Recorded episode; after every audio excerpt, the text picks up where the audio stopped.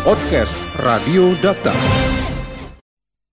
Pak Lusius, bagaimana Formapi menilai langkah-langkah DPR dalam hal pengesahan RUU Omnibus Law menjadi undang-undang yang terkesan disegerakan ini?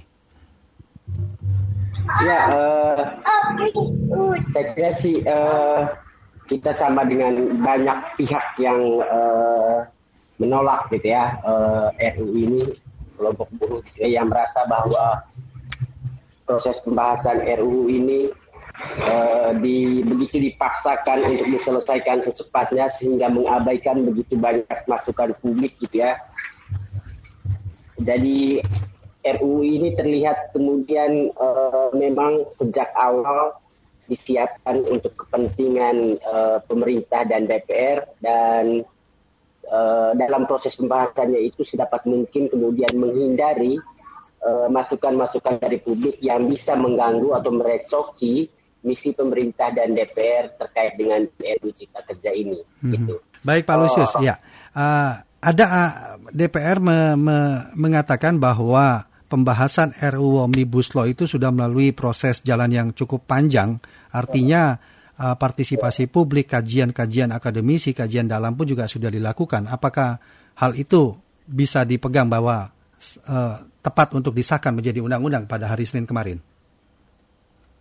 Saya kira sih apa yang uh, eh, DPR sebutkan melalui proses yang panjang, terus membuka ruang bagi partisipasi publik, yang terjadi itu uh, publik yang dilibatkan atau kelompok masyarakat yang dilibatkan dalam proses itu hanya dijadikan tameng gitu ya, atau uh, kelompok yang bisa memberikan uh, legitimasi untuk aspek partisipasi. Kita misalnya melihat uh, buruh gitu ya, sejak awal buruh sudah menyatakan kritik atau penolakan bahkan terhadap kehadiran RUU Cipta Kerja ini. Tapi karena uh, tekanan yang disampaikan oleh buruh di awal proses pembahasan ini membuat pemerintah dan DPR akhirnya menjanjikan kepada buruh uh, klaster ketenaga kerjaan itu akan dibahas pada akhir yeah. dengan pertimbangan bisa uh, memberikan waktu yang leluasa bagi buruh untuk memberikan masukan ya. Akhirnya dalam prosesnya buruh itu kemudian dimasukkan dalam tim dari pemerintah ya tidak puas dengan tim dari pemerintah uh, buruh juga diakomodasi uh, uh, oleh tim dari DPR gitu ya mm-hmm. tapi kemudian uh, uh, keterlibatan buruh ini tidak uh, berlangsung sampai akhir karena di tengah perjalanan buruh uh, apa gitu uh, merasakan bahwa kehadiran mereka itu bukan untuk uh, memberikan masukan-masukan, bukan untuk membicarakan jalan terbaik untuk uh, pengaturan yang lebih menguntungkan buruh, tapi mereka justru hanya dilibatkan untuk mendengarkan lebih banyak sikap DPR dan pemerintah dan kehadiran mereka dipakai untuk melegitimasi uh, partisipasi publik dalam proses pembahasan. Jadi saya kira uh, apa itulah yang kemudian diakui oleh pemerintah dan DPR sebagai keterlibatan uh, atau uh, terbukanya partisipasi publik dalam proses pembahasan. Ya. Faktanya bahwa uh, publik yang dilibatkan itu lebih banyak kemudian hanya dipakai sebagai tameng untuk memberi legitimasi pada proses uh, pembahasan yang uh, bisa terlihat seolah-olah membuka ruang bagi partisipasi publik. Padahal faktanya DPR dan pemerintah itu terus dengan uh, misi mereka sejak awal terkait apa yang ingin mereka atur dalam RUU. Pak Lusius, banyak kalangan yang menilai bahwa DPR dan pemerintah mendapatkan tekanan atau bahkan titipan sehingga menyegerakan untuk mensahkan RUU tersebut menjadi undang-undang. Anda merasakan nuansa itu seperti apa? Ya saya kira itu juga yang saya rasakan dan sejak kemarin juga saya sudah omong seperti itu bahwa uh, cara pemerintah dan DPR uh, membahas RUU ini dan mempercepat proses pengesahannya itu menunjukkan bahwa uh, pemerintah dan DPR itu memang punya uh, kepentingan kepentingan itu bisa jadi uh, muncul dari uh, apa gitu ya keterlibatan pemerintah dalam uh, atau sebagian orang di, pemerintah dalam bisnis bisnis atau sebagai investor gitu atau bisa jadi karena ada kong kali kong antara DPR pemerintah dan uh, pengusaha di luar sana yang menginginkan RUU ini segera disahkan dan kayaknya kesepakatan uh, dengan berbagai pihak itu yang kemudian mendorong pemerintah dan DPR bahkan mengabaikan pandemi ini untuk mengesahkan RUU Cipta Kerja ini ya. Ya. Lantas karena kalau ya. misalnya DPR dan karena kalau misalnya DPR dan pemerintah e, memang menghadirkan RUU ini untuk apa yang mereka sebut demi menciptakan lapangan kerja, demi peningkatan investasi, mestinya orang-orang yang kemudian akan terdampak langsung dengan kehadiran RUU ini itu diajak untuk bicara. Mestinya rakyat yang kemudian e, paling berkepentingan dengan lapangan kerja itu juga diajak untuk memberikan masukan. Faktanya kan tidak gitu ya. Iya. Bagaimana Anda melihat kualitas produk undang-undang ini jika memang uh, kurangnya partisipasi publik atau kajian yang lebih mendalam lagi? Saya kira tidak terlalu uh, mengagetkan ketika kemudian banyak pihak yang menyatakan protes pada saat DPR mengesahkan RUU ini. Ya, itu artinya uh, banyak usulan, banyak masukan yang memang tidak diakomodasi dalam uh, pembuatan RUU ini. Sesuatu yang kemudian uh, membuka ruang lebih besar bagi publik untuk misalnya mengajukan judicial review ke Mahkamah Konstitusi. Artinya secara uh, kualitas sulit untuk mengatakan RUU ini berkualitas ketika kemudian uh, saat dia disahkan ada begitu banyak masukan yang ternyata memang tidak diakomodasi. Masukan-masukan yang menurut publik kemudian penting untuk diakomodasi demi kehidupan rakyat yang lebih baik ya. Ya. Bagaimana posisi uh, rakyat yang melihat atau memiliki uh, keterwakilan mereka di legislatif kalau begitu, Pak? Apa yang bisa dilakukan? Nah itu yang uh, saya kira uh, paling memprihatinkan gitu ya karena mestinya uh, DPR itu sebagai wakil rakyat orang yang kemudian atau pihak yang kemudian paling berkepentingan untuk mendengarkan aspirasi rakyat dan memperjuangkan itu untuk dimasukkan dalam RU karena uh, saya kira untuk itu sajalah uh, uh, rakyat sibuk memilih wakil-wakil rakyat ini pada saat pemilu gitu ya. Itu yang uh, juga nampaknya tidak terlihat uh, dari DPR dalam proses pembahasan ini dan juga banyak RU lain saya kira gitu ya. Ketika kemudian mereka bersekongkol dengan pemerintah, uh, memanfaatkan posisi sebagai koalisi untuk kemudian mengabaikan uh, masukan publik atas apa yang ingin mereka bahas termasuk di RUU Cipta Kerja ini. Ya. Jadi saya kira sebagai wakil rakyat DPR juga gagal menjalankan fungsi representasinya itu dalam proses pembahasan uh, eh, RUU Cipta Kerja. Catatan Formapi sendiri, berapa banyak produk-produk undang-undang yang mungkin dilakukan dengan cara-cara yang sama, Pak? Saya kira sih yang paling menonjol dan masih segar dalam ingatan kita itu RUU KPK gitu ya, dibahas kilat, uh, tiba-tiba disahkan, dengan uh, suara penolakan publik yang begitu besar dan uh, dampaknya kemudian kita rasakan sekarang. Ya KPK menjadi lembaga uh, ya uh, jadi saya kira sih uh, RUU KPK itu yang paling bisa kita jadikan contoh uh, bagaimana proses pembahasan legislasi di DPR yang kilat yang tidak memperhatikan aspirasi publik akhirnya memang membuat KPK sampai sekarang itu melempem gitu ya, tidak mampu lagi sebagai uh, lembaga terdepan dalam melakukan pemberantasan korupsi. Uh, karena keterbatasan eh, undang-undang KPK itu atau karena kewenangan kuat KPK yang ada sebelumnya diamputasi melalui revisi undang-undang yang dilakukan oleh DPR.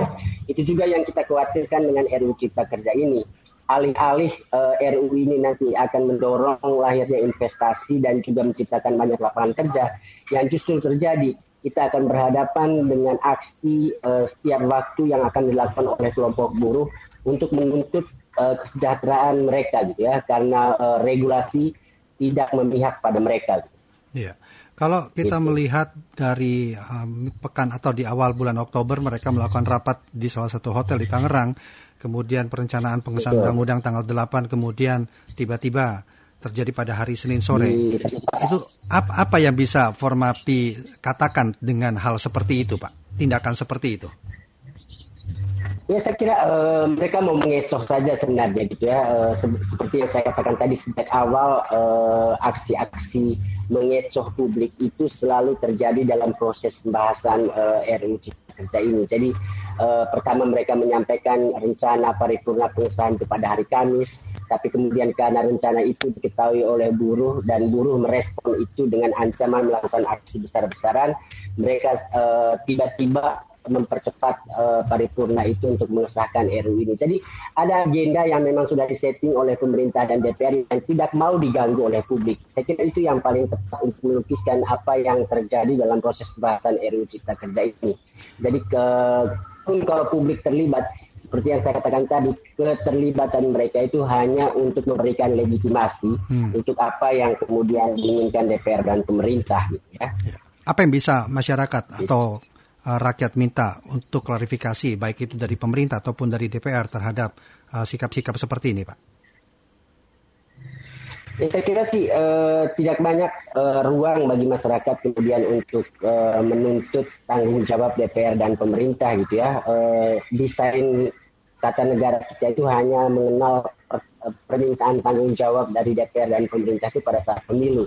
Dalam proses sedang berjalan, saya kira tidak ada ruang yang terlalu cukup kecuali melalui tekanan massa lewat demonstrasi dan juga mungkin lewat media sosial gitu ya. Tapi Uh, bagi publik saya kira ruang uh, untuk mengajukan judicial review itu bisa digunakan hmm. uh, jika melihat masalah-masalah uh, yang ada dalam RUU Cipta Kerja. Walaupun uh, semoga saja kita punya Mahkamah Konstitusi yang masih bisa melihat kebenaran secara objektif untuk merubah pasal-pasal bermasalah dalam Undang-Undang Cipta Kerja itu. Ya. Lantas apa yang membedakan pola-pola seperti ya. ini dengan pada masa Orde Baru kalau begitu Pak Lusius?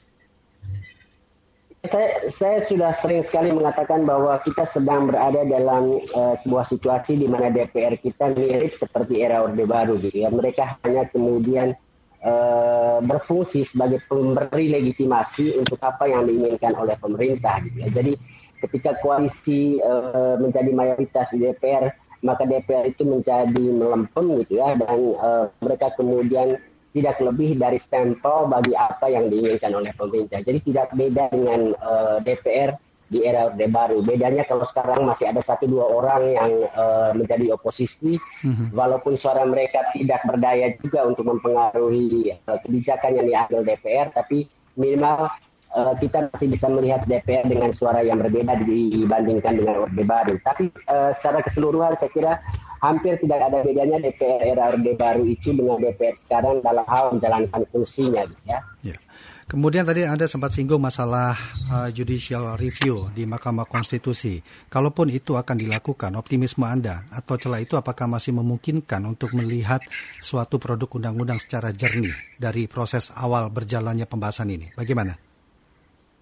Itu yang saya katakan tadi uh, kita hanya berharap berdoa gitu ya semoga Mahkamah Konstitusi masih bisa memutuskan uh, sesuatu secara objektif gitu ya karena uh, kalau membaca pola yang uh, terjadi di proses pembahasan DPR bersama pemerintah nampaknya memang uh, hmm. ada uh, upaya sistematis untuk memastikan apa yang diinginkan pemerintah dalam RUU Cipta Kerja ini itu yang kemudian harus disahkan atau disetujui sebagai undang-undang kalau Mahkamah Konstitusi tetap independen, mestinya mereka bisa bekerja secara objektif untuk memutuskan, misalnya kalau ada judicial review, uh, memutuskan dengan objektif apa yang dituntut atau digugat oleh publik. Tapi kalau juga uh, Mahkamah Konstitusi menjadi bagian dari sistem yang ingin uh, menyokong pemerintah untuk uh, meloloskan apa yang menjadi misi pemerintah, saya kira uh, mungkin kita bisa bisa sejak awal pesimis dengan langkah melalui jalur uh, Mahkamah Konstitusi itu. Ya. Dampaknya apa terhadap tatanan demokrasi kita? Apakah ini sebuah ancaman yang besar atau bagaimana Formapi melihat ini, Pak? Saya kira sih ya ancaman yang besar sekaligus kemunduran uh, demokrasi gitu ya karena mestinya uh, reformasi dengan memberikan ruang bagi partai politik untuk uh, apa ya, bisa uh, tiap waktu mendirikan partai politik menyampaikan aspirasi lalu uh, mengirimkan wakilnya ke DPR itu menjadi bukti bahwa demokrasi kita sesungguhnya berjalan gitu ya. Tapi uh, yang terjadi adalah uh, prosedural saja yang kemudian diikuti tapi substansinya nggak ada gitu ya. Kita masih berada dalam sebuah situasi di mana kita dikuasai oleh segelintir oligark saja gitu ya yang menjadi pemilik partai politik. Dan uh, semua yang kemudian terlihat demokratis itu hanyalah uh, wajah uh, apa wajah, permukaan saja gitu ya tidak menunjukkan bahwa mereka menjalankan betul apa yang menjadi prinsip dasar demokrasi jadi saya kira uh, demokrasi kita sebenarnya sedang uh, mundur lagi ke belakang ketika uh, lembaga-lembaga demokrasi itu justru gagal untuk menjadi uh, bagian inti dari uh, pelaksanaan demokrasi itu. Baik. Podcast Radio Data. Anda cukup masuk ke mesin pencari Google atau lainnya dan tinggal mengetik podcast Radio Data. Podcast Radio Data, aktual dan informatif.